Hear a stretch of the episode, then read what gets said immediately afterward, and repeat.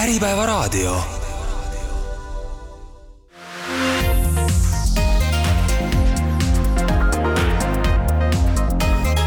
Trinity eetris tere, head kuulajad, see on saade Trinity eetris ja mina olen saatejuht Gregor Alaküla. täna kordame parimaid Palu kahest varasemast saatest, mõlemas neist tuli juttu kinnisvarast ja esimeses saate pooles kuulete vestlust kaasomandiga seotud muredest ja vaidluste lahendamisest.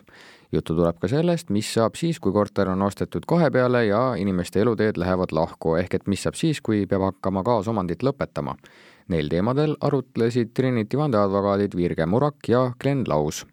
saate teises pooles kuulete vestlust varjatud puuduste teemadel ja räägitakse sellest, milline on kinnisvaramaakleri vastutus puuduste avastamisel ja nende probleemide lahendamisel. teises pooles vestlevad omavahel kinnisvarabüroo üks partner, elamispindade tegevjuht Meelis Renk ja Trinity vandeadvokaat Virge Murak. head kuulamist kinnisvara ostetakse tihtipeale eh, koos oma kas abikaasa või elukaaslasega selleks, et saada nii-öelda parem või kallim kinnisvara ja, ja selleks, et siis seaduse silmis kõik korrektne oleks, tuleb kõik paberid korrektselt vormistada, notari juures tuleb anda hunnik allkirju, mis tõendavad siis seda omandisuhet, et kellele kui palju kuulub, aga mured tulevad tihti sellest, et ostjad ei tea üldse oma õigusi ega pruugi üldse orienteeruda nendes mõistetes ja Eh, selles, nendes kohustustes, millele just allkirjad anti. Virge, mis defineerib kinnisvara puhul seda kaasomandit mm? -hmm. kaasomand on mitme isiku ühine omand ühele asjale ja see võib olla nii füüsiliste isikute puhul kui ka juriidiliste isikute puhul. et äh, kaasomandit vaadates me ei saa jääda selle peale mõtlema, et seal saavad olla ainult Äh, omanikeks kas elukaaslased või, või abikaasad, seda kaasomandit on võimalik äh, saavutada ka sellistes vormides, et üks omanikest on näiteks juriidiline isik, teine füüsiline isik, või siis, et neid omanikke on äh, rohkem, kaasomand ei tähenda kahe isiku omandit, vaid seal võib neid omanikke olla lugematu arv, olenevalt siis sellest asja suurusest. ehk siis lühidalt kaasomand on ühine omand kinnisasjale, kus on osade suurused määratletud, et seadus tunneb veel ühisomandit, aga ühisomand on selline, kus siis need äh, osade, omandiosade suurused ei ole määratud. aga kaasomand siis ainult kinnisasjale või võib olla seda kaasomandit ka mõnes muus varaklassis? seda võib olla ka muus varaklassis, võime osta mis tahes eset tegelikult koos, aga sellisel juhul meil ei ole võib-olla sellist registrikannet või, või sellist asja, mis annaks meile väga selge info, ütleme näiteks kolmandatele isikutele, kes midagi vaatavad, et minu kogemuses kõige naljakam kaasomand on kaasomand tõukoerale. et selline praktiline kogemus on olemas, selgub, et äh, tõukoerad on ka väga huvitav äh, varaklass ja ka sinna, sellele esemele on võimalik saavutada kaasomand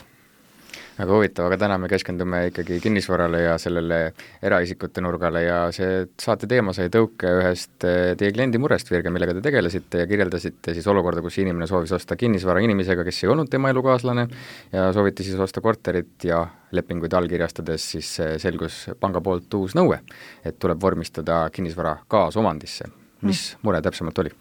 see oli äärmiselt eh, huvitav kogemus et äh, meie poole pöördus äh, klient, et saada infot kaasomandi ja kaasomandi suhte ja õiguste ja kohustuste kohta. Ja küsimus oli tal tekkinud sellises olukorras, et Äh, tal oli sõlmitud müügileping kinnisasja ostmiseks. Äh, müügilepingus oli juba teatav osa omafinantseeringut makstud ja ka laenuleping oli sõlmitud. ehk siis äh, pank teadis täpselt, et see inimene soovib osta korterit ainuomandisse ja seal ei tekkinud mitte mingeid küsimusi ta oli positiivse laenuotsuse juba ta saanud? oli positiivse laenuotsuse saanud ja oluline on rõhutada, et ka laenuleping oli allkirjastatud. kui siis inimene teatas, et äh, maja on valmis saanud, äh, korteri ostmiseks äh, ja omandi saamiseks tuleb vormistada asjaõigusleping ja kutsus siis pangast esindajat notariaalsesse tehingusse, siis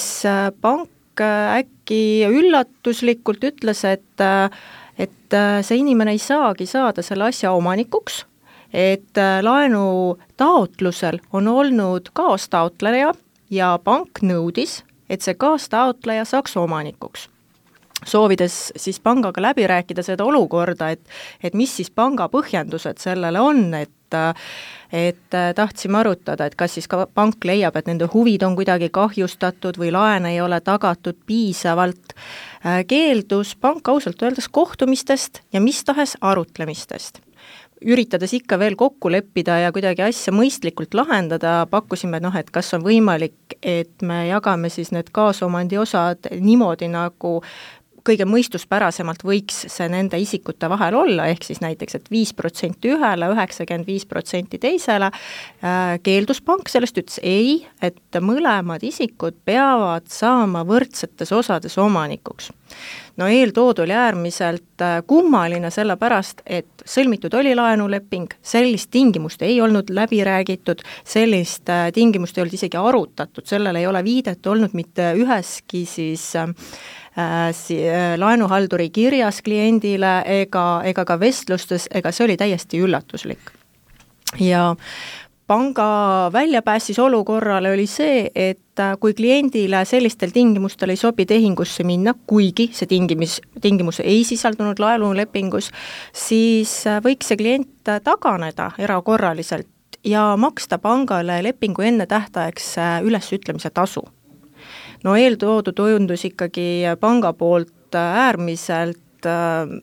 no ebameeldiv käitumine, sellepärast et inimene oli pandud sundolukorda, see oli nädal aega enne tehingut,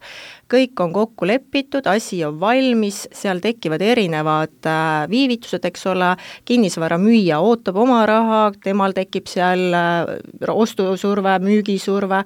ja, ja inimene pannakse täiesti sundolukorda. no toimetasime kiiresti, äh, soovitasin kliendil küsida neid laenupakkumisi erinevatest pankadest ja õnneks saime me ikkagi niimoodi, et klient sai parema laenupakkumise teises teisest pangast ja jõudis tähtaegselt äh, tehingusse ja sai selle kinnisvara ostetud aga mis äh, noh, ja loomulikult äh, pääsesime siis ka lepingu ennetähtaegse ülesütlemise tasust, kuivõrd pank ilmselt seda mõistis, et nende puhul on see tegemist lepingu rikkumisega.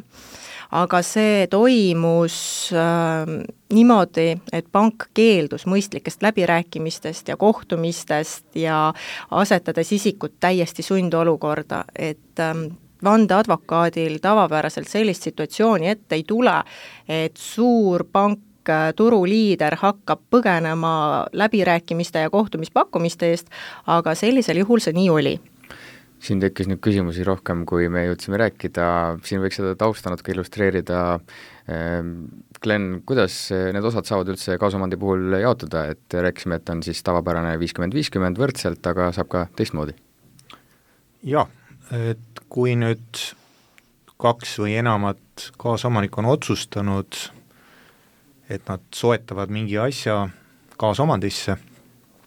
siis äh, need kaasomandi osad jagunevadki vastavalt nende soovile. et kui nad ei ole kindlaks määranud, kuidas kaasomand jaguneb, siis see jaguneb võrdsetes osades. aga alati võib äh, kokku leppida teisiti ja, ja meie ütleme siis niimoodi praktikas tõusetunud küsimused tegelikult näitavad seda, et mõistlik on kokku leppida kaasomandi osades ikkagi sellistest põhimõtetest lähtuvalt, millised on siis nende kaasomanike panused selle eseme soetamisse. et äh, kui juba algselt kokku leppida kaasomandi osades, mis ka on siis korrelatsioonis äh, kaasomanike panustega, siis see tõenäosus, et hiljem tekib vaidlusi, on oluliselt väiksem. ja noh, teine väga oluline küsimus on, on ka kasutuskord sellisel juhul paika panna, sest et äh, nii nagu Virge ütles, et, et kaasomand, et seda eristab ühisomandist see, et, et kaasomandi puhul on äh, mõttelised osad, küll aga seal ei teki seaduse kohaselt automaatselt äh, või ütleme siis, seadus ei reguleeri, et, et kuidas siis kaasomandit kaasomanikud kasutavad, et kui see ei ole omavahel kokku lepitud, siis ikkagi tek-, see seaduse regulatsioon näeb ette, et põhimõtteliselt igal kaasomanikul on õigus kasutada seda eset tervikuna, ehk kõiki selle kaasomandi osasid. miks siis alati ei pea kasutuskorda kohe paika panema? et kui ei pane paika, siis kui ei pane paika, siis on põhimõtteliselt mõlemal või, või, või kui neid kaasomanikke on rohkem, siis kõigil kaasomanikel õigus seda asja tervikuna kasutada, et et äh, kui see kaasomand on midagi sellist, mille kasutamise osas äh, vaidlusi ei teki, äh, siis ei olegi probleemi, et kui on näiteks mingisugune parkimisplats, mis on piisavalt suur, et ta mahutab ära äh, Äh, kõigi äh, siis äh, ümberkaudsete elanike sõidukid, noh, siis seal tõenäoliselt ei tekigi probleemi. aga selliseid olukordi on väga vähe, et pigem on ikkagi varem või hiljem kaasomanike vahel tekivad erimeelsused selle osas, et kes võib millist osa sellest kaasomandist kasutada sellest, kuidas korterit pooleks aetakse, piltlikult tuleme natukese aja pärast tagasi, tuleme selle Virge toodud näite juurde natuke tagasi, eh, laenulepingut sõlmides juba mainitud, et eh, kui ostetakse eh, koos kinnisvara näiteks, siis niikuinii vastutavad selle eest mõlemad osapooled, selle täitmise eest. miks siis on vaja topelt, miks, miks pank sellise nõude esitas, et oleks vaja ka omandivormiga vastutada? Ausalt öeldes on see küsimus ka minu jaoks, eeltoodut ma oleks tahtnud ka pangalt uurida, et äh, selles mõttes äh, mina juristina probleemi ei näe, et äh, kui meil on laenuleping, siis vastavalt laenulepingule tekivad mõlemal siis laenulepingu sõlmijal solidaarkohustus, ehk siis see tähendab, et pank võib nõuda kas ühelt või teiselt laenuvõtjalt või mõlemalt korraga vastava kohustuse täitmist, kui selle kohustuse täitmisega tekib probleem täiendavalt, nagu me teame, siis eluaset ostes tagab seda laenulepingut alati ka kinnisvaral asuv hüpoteek. seega ma ei näe nagu äh, mingit selgitust sellele olukorrale, et äh, miks pank üldse nõudis seda. võib-olla, kui kui me mõtleme, suudaks pank seda selgitada sellega, et nad äh, soovisid äh, kuidagi kaitsta siis selle teise laenutaotleja huvisid, ehk siis et äh, kui ta võtab endale kohustuse, et noh, et siis pank võtab endale kuidagi niisuguse õigusmõistja positsiooni ja ütleb, et no kui ta võtab kohustuse, küll ta peab ka siis selle asja saama et äh, ju ta siis oleks pidanud ikkagi mingi äh, võrdse osa sellest omandist saama, aga minu meelest selline suhtumine sekkub väga oluliselt sellisesse lepinguvabaduse põhimõttesse, et äh, kui meil pank ei ole seda alguses juba enne laenulepingu sõlmimist läbirääkimiste faasis välja toonud, et see on üks panga nõue siis äh, hiljem peale laenulepingu sõlmimist äh, niimoodi sekkuda lepingulisesse suhtesse kindlasti ei tohiks, et äh, et see on minu hinnangul pangapoolne rikkumine. et sellises olukorras, kui meil on need tagatised olemas, täiskasvanud inimesed saavad aru oma õigustest, kohustustest, minu meelest äh, võime me äh, seda olukorda lihtsalt täiendavalt selgitada ka notariaalses lepingus, kus niikuinii tuleb äh, kirja panna absoluutselt kõik olulised tingimused, mis selle lepingu eseme kohta käivad arvatavasti tunnevad paljud kuulajad selle olukorra ära, et ka nendega on niimoodi juhtunud ja arvatavasti see ei ole siis reaalses elus selline esimene kord mm, -hmm. kui pank kliendilt sellist kaasomandisse ostmist nõuab, aga see juhtum oli tõenäoliselt pretsedent, kus klient reaalselt ka abi sai kui levinud selline asi võib olla tegelikult? ma arvan, et see on äh, enam levinud, kui me oskame seda võib-olla arvatagi, sellepärast et äh, need probleemid jõuavad tavapäraselt advokaadi lauale olukorras, kus meil on vaja hakata seda kaasomandit lõpetama. ehk siis äh, noor, ma ei tea, pere või, või mingi muu olukorra tõttu on vaja see korteri ära müüa või maja või mis iganes asi on kaasomandisse ostetud. Ja siis selgub, et äh, kaasomand on pandud võrdselt, kuid tegelikkuses on äh, see mm, ebaõiglane. Ehk siis näiteks äh, üks osapooltest on kinnisvara ostmiseks saanud siis oma finantseeringu osa tasunud, kuid kui me ostame võrdselt, eks ole, siis tavapäraselt seda ei ole kuskile märgitud, et üks pool on panustanud rohkem, mis tähendab, et mõtteliselt võiks tema osa selles asjas olla suurem, et, et äh, inimesed, kui nad ostavad, siis nad ei mõtle selle peale, et kui me peame hakkama jagama, et mis, mis olukorras me siis oleme ja sealt need probleemid tulevad. Seetõttu ongi hästi oluline enne lepingut läbi mõelda, et kes kui palju panustab, millele panustab, kuidas need osad õiglaselt peaks olema, sest et ähm, kui me neilt osasid saame, siis nende osadega käivad kaasas nii õigused kui ka kohustused et väga lihtsalt öeldes, et äh, minu kogemuse puhul, kui meil olid äh, kaks isikut, kes ei olnud elukaaslased, kui teine isik oleks saanud selle kinnisvara omanikuks, siis oleks tal tekkinud ju automaatselt ka õigus oma kinnisvara kasutada. ehk siis ta oleks saanud nõuda, et äh, ma võin sinna korterisse tulla elama. olukorras, kus pooltel puudus sellest kokkulepe. aga kui oleks tekkinud mingi tüli, tekib sealt ka potentsiaalne nõue, ehk siis kui mina ei ole saanud seda asja kasutada, siis tuleb mulle see asi hüvitada, mis tähendab seda, et äh, me võiksime võtta näiteks aastate viisi turu keskmist üüri. Öelda, et vot ma ei saanud kasutada, palun mulle nüüd selle kasutuseelis hüvitada ja mõista välja. et äh, sellepärast need omandiküsimused ei ole kunagi nii lihtsad, et et ah, et teeme võrdselt pooleks olukorras, kus ei ole õiglane ja põhjendatud. ettevõtetel võib omanikke, osanikke olla üsna palju, aga sellise kaasomandi puhul, näiteks korteri puhul, kui palju võib neid kaasomanikke olla?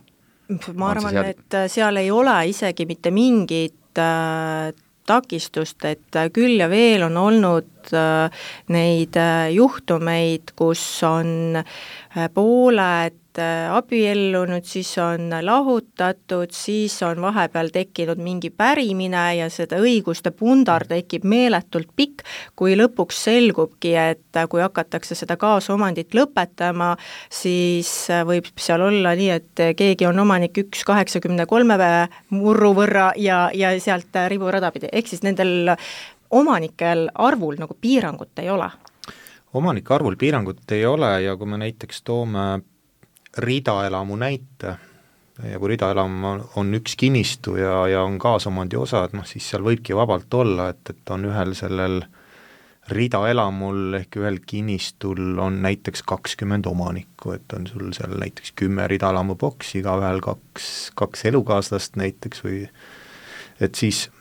täiesti tavaline, et, et võibki olla, aga reeglina on, on kaasomanik, kaasomandil omanikke kaks see on kõige, kõige tavalisem, aga on ka olukordi, kus neid on palju rohkem ja nii, nagu Virge ka siin välja tõi, et, et, et üks võimalus on see, et tegemist on näiteks elukaaslastega või siis näiteks äh,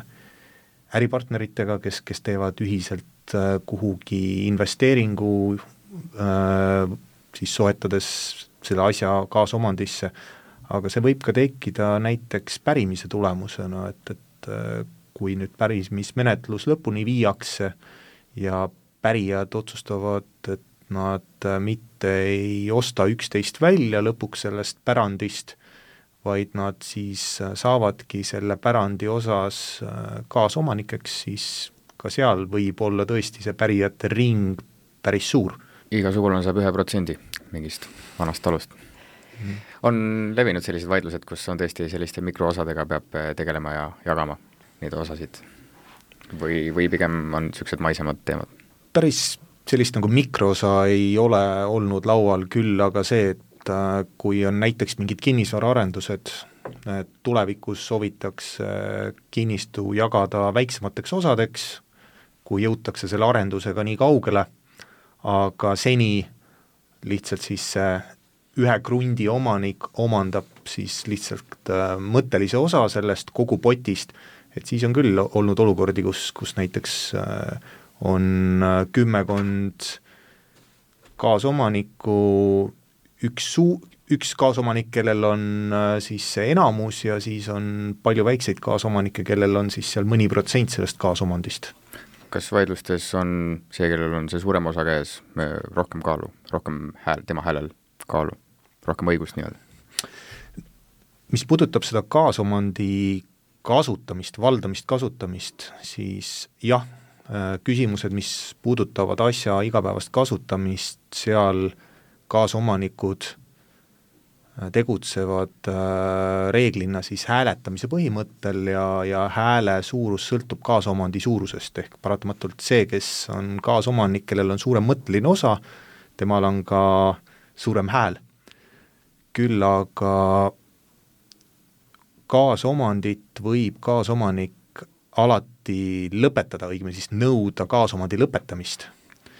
Äh, ja kui selline olukord tekib, äh, kui pooltel ei õnnestu kokkuleppel kaasomandit lõpetada ja asi läheb kohtusse, siis äh, otseselt nagu seadus suuremat kaasomanikku või siis kaasomanikku, kellel on suurem mõtteline osa,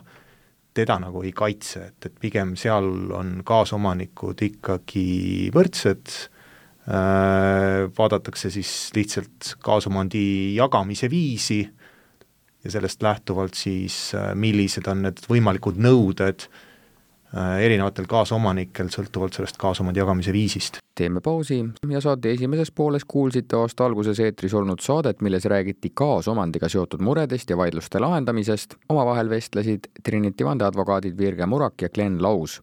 nüüd aga tuleb juttu varjatud puudustest ja kuulete kahe tuhande kahekümne teise aasta kevadel eetris olnud saadet, kus räägiti konfliktsete olukordade lahendamisest ja sellest, milline on kinnisvaramaakleri vastutus varjatud puuduste avastamisel. Neil teemadel vestlesid kinnisvarabüroo Üks Partneri elamispindade tegevjuht Meelis Ränk ja Trinity vandeadvokaat Virge Murak. head kuulamist! võtame fookusesse selle, milline on see kinnisvaramaakleri töö ja vastutus kinnisvara ostmisel ja varjatud puuduste avastamisel, sest ma saan aru, et kohtumenetlustes on suurenenud nõuded kinnisvara müüjatele, mis on seotud nende varjatud puudustega.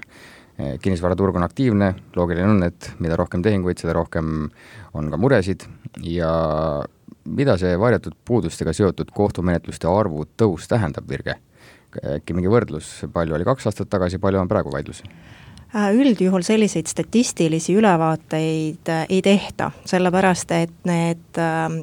erinevad siis puuduste vaidlused äh, taanduvad tihtipeale erinevatele õiguskaitsevahenditele, kes nõuab hinna alandamist, kes nõuab siis kahju hüvitamist, kes soovib lepingust taganeda. aga see juurpõhjus, miks need asjad võib-olla täna on rohkem aktuaalsed, on just see, et ostjad on saanud teadlikumaks ja nad kasutavad oma õiguseid aktiivsemalt ehk siis äh, kohtupraktika väga palju aitab tegelikult kaasa ka ostjaid, kuivõrd äh, müüja vastutust ei ole üldse välistatud. et sisuliselt ükskõik, äh, mida sa uuel pinnal leiad, siis müüja on selle eest vastutav. kas see müüja teadis või ei teadnud sellest puudusest, ei ole absoluutselt oluline, et kui sa ostjana mingi puuduse leiad, siis sa müüja vastu tulla saad et teadlikkus ja aktiivsus on suurenenud, aga mitte see, et meil lihtsalt on kehvas seisus korterid ja majad?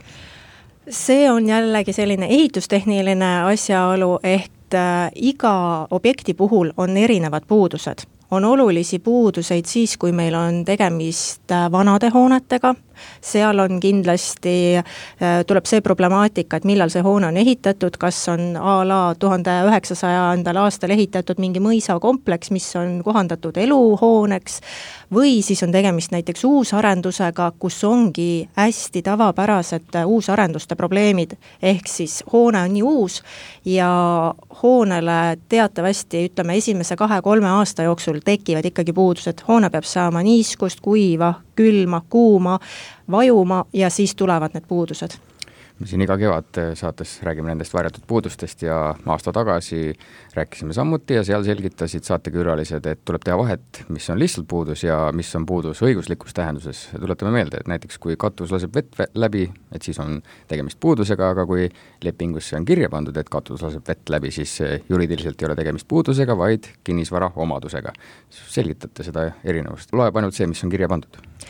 ja kirja panemine on äärmiselt oluline, et üldjuhul äh, kõik lepingud, eks ole, on notariaalsed ja notariaalsed lepingud on eelnevalt välja töötatud ja seal on siis äh, standardsed punktid, et ostja on asja üle vaadanud, ta on teadlik asja olemusest ja sinna asja juurde kuuluvast koosseisust ja väga tihti ei panda sinna tegelikult sinna selliseid asja äh, puuduseid või eripärasid, mis on olulised. Ja kui seda ei ole notariaalsesse lepingusse kirja pandud, siis ta ei ole saanud nii-öelda lepingu eseme osaks. ehk siis, kui me ostjat äh, eelnevalt informeerime, et näiteks, et äh, meil viimane remont tehti viisteist aastat tagasi ja meil on näiteks niiskuskahjustused seal ühes toas laes või et meil on siin näiteks äh, torud hoones vahetamata alates kuuekümnendatest, siis kõik sellised asjad on äärmiselt oluline panna notariaalsesse lepingusse. juhul, kui neid ei panda notariaalsesse lepingusse, siis on ostjal selgelt õigus tulla, öelda, et näete, et ma ei olnud sellest puudusest teadlik ja tegemist on varjatud puudusega ja tulenevalt sellest siis äh, kõige primaarsem nõue on tavaliselt kahju hüvitamine Meelis, kuidas selle informeerimisega on, et äh, lähed ostjana maja vaatama ja maakler ütleb suuliselt, et näed, et siit natukene laseb läbi, et, et tuleb ikka kirja panna, et suuliselt ei tõesta enam midagi? seda, seda küll, alati on, kui on üles kirjutatud, alati on tõhusam, aga praktikas juhtub ikkagi väga palju selliseid asju, et noh, et eh, kui me küsime seda, et eh, kas, kas ostja nägi seda või oli sellest nagu teadlik, on ju, siis eh, kõige parem soovitus on tegelikult see, et et tihti võib-olla see ostja ja müüja isegi ei tea, et noh, mida seal puuduseks nimetatakse, mida ei nimetata, aga kui tekib mingi kahtlus, et me näeme midagi, siis alati on nagu no, mõistlik ju öelda, et selle asjaga on täna nii. Ja, ja juhtida sellele ikkagi alati enne, enne tähelepanu, kui, kui see asi halvaks võib, võib, võib minema, minema, minema hakata. ja, ja ei ole ka selles mõttes täna eh, see harv juhus, et kui me näeme, et on mingi tehniline noh, ütleme mingi pragu või asi, et alati on ostjatel tark võtta kaasa noh, selle valdkonna äh, asjatundjad, kes siis, kes teevad ehitusekspertiisi, kes vaatavad konstruktsioone, et tegelikult olla ikkagi veendunud, et kui me räägime kinnisvaratehingutest, siis Tallinnas me räägime ikkagi sadadest tuhandetest, ka muudes Eesti osades räägime ikkagi kümnetest tuhandetest, et see on nagu mõistlik kulu äh, teha, kui sa ise ei tea, mida sa vaatama peaksid on praktikas selliseid näiteid, et tuleb terve meeskonnaga ostja, et on tal ehitusekspert ja elektriekspert ja nii edasi? Üldiselt nagu kõike nagu, kõiki nagu valdkonna spetsialiste pole vaja, piisab ainult ühest, kes siis teebki, teostabki ehitusjärelevalvet ja täitsa, täitsa mõistlik on jah, et meil endalgi oli ühes, ühes hoones, mida müüsime, et väga, väga kvaliteetne ehitaja, Eesti üks börsiettevõte ja lihtsalt vai vundament ja postvundament ja maja vajubki ja, ja need praod jäävadki sinna igaveseks. aga tuli tellida ehitusekspert ja, ja see inimene ütleski, tegi väikse akti ja ütles, et see asi on ja oli ja jääb ja tuleb tagasi ka need praod ja, ja selles mõttes see on igatahes ostjale palju-palju rohkem südamerahu ja, ja ta saab olla täi-, täiesti veendunud, et see asi, asi nii on. Ja ma, ma arvan, et, et ka siin muudes kinnisvara nagu investorite ringis on see väga palju äh, kajama jäänud, et täpselt nagu ehituses, et kui sa teostad hooneehitust, kasutad järelevalvet, et miks siis mitte, kui sa teed äh, kodu ostu või, või müüki, et miks siis äh, seal peaks see kuidagi teistmoodi olema, et ma arvan, et see kindlasti tuleb nii ostjale kui müüjale kuni, kui ka sellele tehingule tegelikult kasuks. Tuleb siin hiljem mitmeid näiteid kiuslikest naabritest ja saatejuht toob ise ka ühe varjatud puudusega seotud näite, aga tuletame meelde, et mis võiks juriidiliselt kvalifitseeruda varjatud puuduseks riigikohtu praktikast äh, äh, lähtuvalt on see varjatud puudus ikkagi selline, mis segab eseme eesmärgipärast ja tavapärast kasutust. nüüd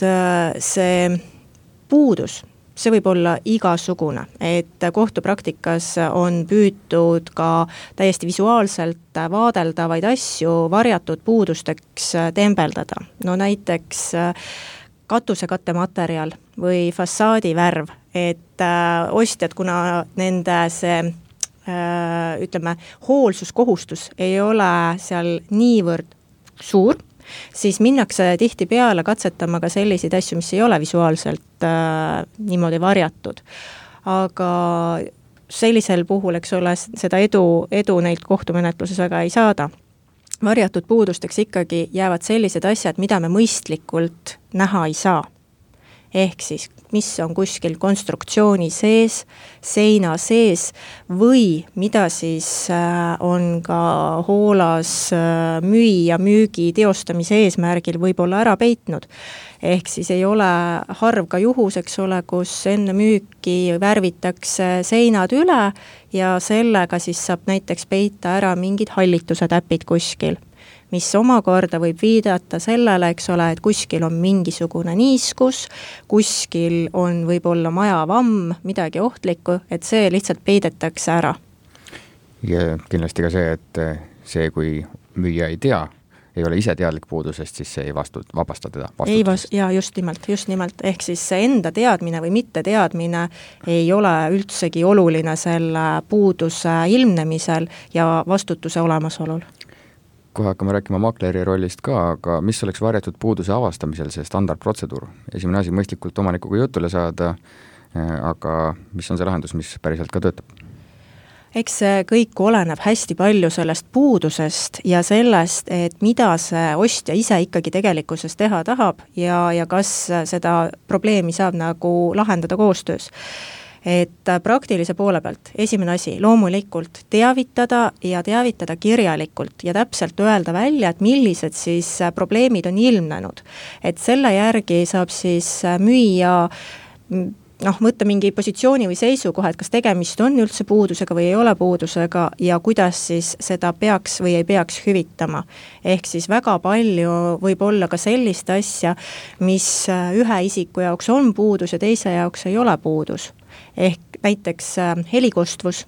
et mõned inimesed on väga harjunud äh, sellega näiteks, et tramm sõidab kuskilt akna alt läbi, ei pane tähelegi äh,, ei oska seda isegi ostjale öelda ja ostja ütleb, et siin on võimatu elada, see trammid kolistavad niivõrd metsikult, äh, varjatud puudus.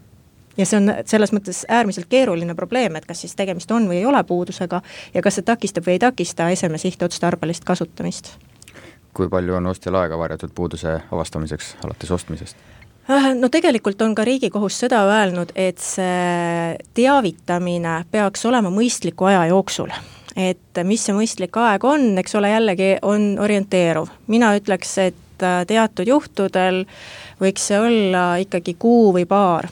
sellepärast, et äh, noh, ütleme, ka, ka see enda teadasaamise hetk ja tuvastada, et millega siis nüüd täpsemalt tegemist on, et kas, kas kuskilt tilkuv vesi, et kas see on mingi naabrite ütleme, mõjutus, et seal on mingi toru lõhkenud või on see selline mõjutus, et näiteks katuses on äh, mingi viga või konstruktsiooni jookseb vesi sisse, et äh, aga noh, hea on kindlasti võimalikult varakult teavitada. üks lahendustest varjatud puuduse lahendamiseks on siis lepingu tagasipööramine, kui palju seda kasutatakse? taganemine üldiselt on äh, suhteliselt harv, sellepärast et taganemist õigustab väga oluline rikkumine. Et äh, reeglina tuleb ikkagi teha esim- või on mõistlik teha ikkagi need esimesed sammud, kas siis kahju hüvitamine või äh, hinna alandamine, aga taganemine eeldab tõesti sellist, et, et tegemist on äärmiselt olulise rikkumisega mis on üks oluline rikkumine? Äh, no näiteks võib olla täiesti äh, küttesüsteemi rike näiteks, et sa ei saa hoonet mõistlikult äh, soojaks kütta, et sa pead äh, ehitama täiesti uue sõlme. või siis ütleme, see on siis ka hoone soojapidavuseks, et võib-olla on tehtud, ütleme suvilast nii-öelda elumaja ja siis selgub, et seda ei saagi, nagu sa võid talvel ainult kütta hommikust õhtuni ja seda ei saa kasutada, ostsid eeldusel, et seda saab aastaringselt kasutada ja noh, see oleks liiga suur ilmselt äh, rahaliselt liiga suur puudus, mida hakata kõrvaldama, seal on või ilmselt juba mõistlikum teha taganemisavaldus makler peaks olema kõige informeeritum inimene, aga kui tihti võib olla probleemiks see, et makler ise ei tea, et omanik teab puudusest, aga makler ei tea? Jah, ma arvan, et selles mõttes see, see tõenäosus äh, väheneb sellega, kui kui me oma tiimis kasutame näiteks tihti seda, et, et me kasutame objekti infolehte, kus on siis väga palju selliseid küsimusi, et, et öeldes, et kui me näeme, näeme kliendile seda objekti, ütleme, et et me küsime teie käest mingi hulga küsimusi selleks, et aru saada, mis selle objekti ja mis teie põhjustega siin üldse toimub, on ju. et noh, samuti küsime müügipõhjust, on ju, et kui, kui me teame, et tal on seal noh, naaber on valmistanud diskoteegi või, või mingi Karmimaa peosarja seal kogu aeg läbi viib, see tuleb tegelikult nende küsimustega välja ja, ja, ja samamoodi on, on see tegelikult nagu lahendav, et kui me räägime näiteks mingitest paneelelamutest või kivielamutest, nagu siis on võimalik seda heli tegelikult nagu teadlikult isoleerida, on ju. Ja, ja, ja selles, selle tõttu ongi nagu see, et, et, et võib-olla kui omanikud ise otse müüvad ja omanik, teised otse ostavad, siis nendel polegi nagu aimu, et, et sellised objektilehed või sellised küsimused on, et noh, näiteks, et kas te olete siin elu jooksul üldse midagi ümber ehitanud, mis alguses nii ei olnud et ta ütleb, et noh, ma ei tea, ma ei mäleta, et mees tegi siin, tõstis vannitoa teise kohta, on ju, et see on, see juba puudutab seda, et kas nüüd see kasutusluba noh, tegelikult on juba sellest hetkest tegelikult kasutu, on ju. et tuleb teha uus taotlus, tuleb e-, esitada projektid ehitusregistrisse kohalikku omaval-, omavalitsusse. Ja, ja, ja, ja nende, nende protsesside käigus, kui me küsime neid asju, siis tegelikult sealt tuleb väga-väga palju asju välja ja, ja meil on majas inimesi nagu, kes ütlevad seda motot, et ma tahan kliendi objektist rohkem teada, kui klient ise teab. ja sel puhul on see kindlasti nii ostjale kui müüjale pikas perspektiivis tehingus kasulik. et eh, räägi kohe ausalt ära, kuidas asi on, et siis on selle asjaga oluliselt lihtsam, oluliselt efektiivsem ja oluliselt eh, tõhusam seda tehingut ka teha ma lubasin tuua ise ühe näite, oligi tegemist, eh, avastasin pärast maja ostmist varjatud puuduse ja saatsin siis kirja nii endisele omanikule kui maaklerile ja üldiselt on nii, et ikkagi müüja peab selle mm, nõudega tegelema ja, ja lõpuks selle probleemi lahendama, aga minu näite puhul siis see maakler isegi ei vastanud sellele esimesele kirjale, kirjale, vaid omanik võttis ise kohe selle probleemi lahendamise enda kanda. milline see maakleri roll selliste tülide lahendamisel on või peaks olema? ja no juriidiliselt muidugi noh, ostu-müügileping sõlmiti on ju ostja ja müüja vahel, aga teisest küljest ongi see, et nüüd ma arvan, mida päev edasi üha rohkem ja rohkem on, et noh, tihti me oleme maaklerina rollis, esindame omanikku, aga ma arvan, et tegelikult maakler peaks esindama ka pikas perspektiivis äh, kogu tehingut, on ju. ma olen päris veendunud, kui, kui teile, Gregor, oleks vastatud sellele meilile ja kohe võetud äh, asi nagu lahendada, et kuule, ma räägin müüjaga, ma uurin, mis teil oli, on ju, siis ka tulevikus tõenäoliselt, kui Gregor vajab, vajab mingit konsultatsiooni kinnisvaralast, tõenäoliselt oleks see meil teile nagu väga soojaks meiliks jäänud ja see kontakt oleks tõenäoliselt siiamaanigi telefonis, on ju. Ja, ja, ja tihti ongi nagu see, et ma usun, et oleks olnud nagu tark sellele meilile kindlasti vastata ja kui on nagu tegemist, ma ei tea, mingite soojusküsimustega, et kuule, et pakkuda välja, et meil on siin soojusauditi partnerid tulevad, teevad teil mingi ülevaatuse, on ju, et on nüüd mingid niiskuskahjud, kuule okei okay,, et nagu noh, me, me ei ole teadlikud, kus konstruktsioonis see on, on ju, et noh, et uurida, mis tegelikult nagu juhtus, on ju, et võib-olla vahest on see, on see esimene pöördumine ikkagi selline ka natuke noh, ärme nimetame seda paanikaks, aga noh, sain teada, ikkagi on see kerge pettumus, on ju. ja, ja, ja selle pettumusega tuleks tegelikult ju noh, oluliselt kohe tegeleda, sest et et kui ma olin selles protsessis enne kaasas, on ju, et siis, kui nüüd nagu tekivad mured, siis ma arvan, et nagu ma tahaks küll seal pärast ka nagu selle asja sees olla, vähemalt teada, kuule, et noh, mis siis juhtus, kuidas see lõpuks lahendati, on ju, et et kuidas siis, kuidas siis ostja-müüja omavahel selle asja ilusti ära lahendatud said ma ise igapäevaselt ei ole selles kinnisvara ja maaklerite maailmas sees ja mind huvitab, et et mis juhtub, kui tihti on probleemiks see, et maakler otsustab teadlikult mitte infot anda ostjale? et eesmärgiga saada oma komisjon kätte ja viia see tehing lõpuni? No ma vähemalt ise, ise olles selles, selles valdkonnas olen kogu aeg seda äh, rõhutanudki, et see on natuke nagu väikeste lastega, on ju, et kui sa mingi asja kuskil nurgas puruks teed, siis see tuleb nagunii välja et tegelikult on mõistlik see asi kohe välja öelda ja kui me räägime kinnisvara puhul, siis tegelikult on, äh, on selliseid näiteid, et kui sa seda varjad, siis see puudus võib tegelikult süveneda ja võib muutuda nagu sellisest pisipuudusest päris kriitiliseks, on ju. Et äh, teadlikult äh, ma noh, väga ei tea, et sellist asja nagu tehakse või ma isiklikult ei tunne nagu kedagi, on ju, aga, aga teadmatusest, ehk siis selles mõttes, et kui ei süveneta asjadesse, ei teata, mis, miks üldse niiskusmajja tekib, kuidas, kuidas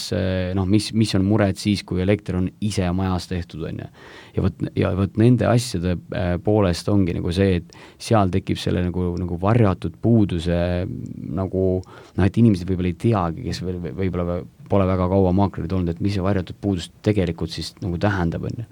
aga, aga mina nagu vähemalt soovitan küll kõigile, ükskõik, oled sa ostja, oled sa müüja, et eh, ütle ära nii, nagu asi on, sest et eh, kui me selle kohe teada saame, ükskõik ostja või müüja, siis on selle asjaga igatahes eh, tõhusam tegeleda kohe, võib-olla see tehing jääb ära, võib-olla see tehingul on madalam hind, aga kindlasti see teeb turgu paremaks, see teeb ostjat-müüjat mõlemat nagu noh, tegelikult pikas perspektiivis õnnelikumaks, et nad ei pea nende asjadega nagu pärast tagantjärgi nagu tegelema. aga on mingeid juriidilisi tagajärgi ka sellel, kui selgub, et teadlikult maakler varjas ka eh, omalt poolt varjatud puudust ja mis temaga võib juhtuda? Eh, no ütleme nii, et kui me räägime sellest, et no mis temaga nagu juhtuda võib, ilmselgelt selles mõttes, et ega ta üheski meeskonnas või, või ettevõttes enam eh, noh, tõenäoliselt oma tööd teha ei saa. teine asi, mis siis noh, maakleritel on maaklerite kutsekoda et kui on seal siis tegemist kutseliste maaklite või koja liikmetega, siis nad heidetakse sealt välja, et kui ma ei eksi, siis sama nagu muidugi oluliselt, oluliselt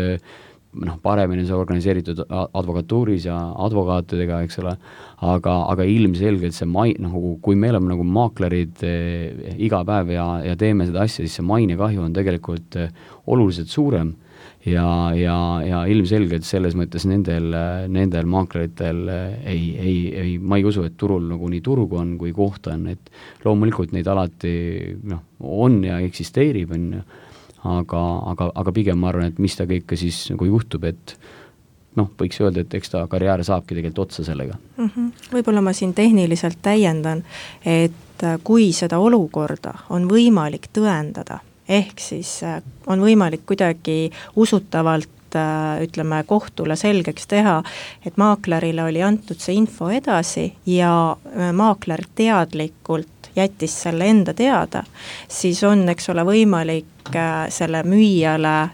tekkinud kahjunõue siis maaklerile edasi siis esitada kuivõrd maakleri ja müüja vahel sõlmitakse ka ikkagi leping, see maaklerleping on olemuselt käsundusleping ja maakler peab seda täitma lojaalselt ja vastavalt siis äh, nendele samadele maakleritele esitatavatele normidele ja kui on teadlikult arusaadav, et ta on neid rikkunud, siis ta vastutab ka tekkinud kahju eest. ehk siis äh,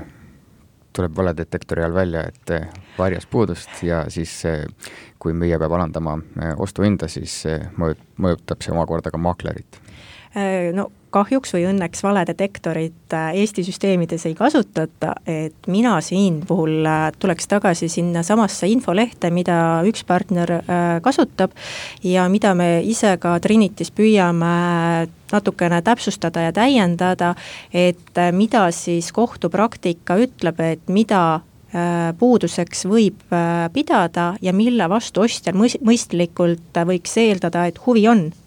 ja mida rohkem me seda teavet kogume, seda laiapõhjalisemaks see info andmine läheb ja seda väiksemaks muutub tõenäosus, et ostja siis äh, võib tulla varjatud puuduse nõudega müüja vastu. see oli saade Trinity eetris ja kuulsite täna meenutusi kahest varasemast saatest esimeses pooles kuulsite aasta alguses eetris olnud saadet, milles räägiti kaasomandiga seotud muredest ja vaidluste lahendamisest.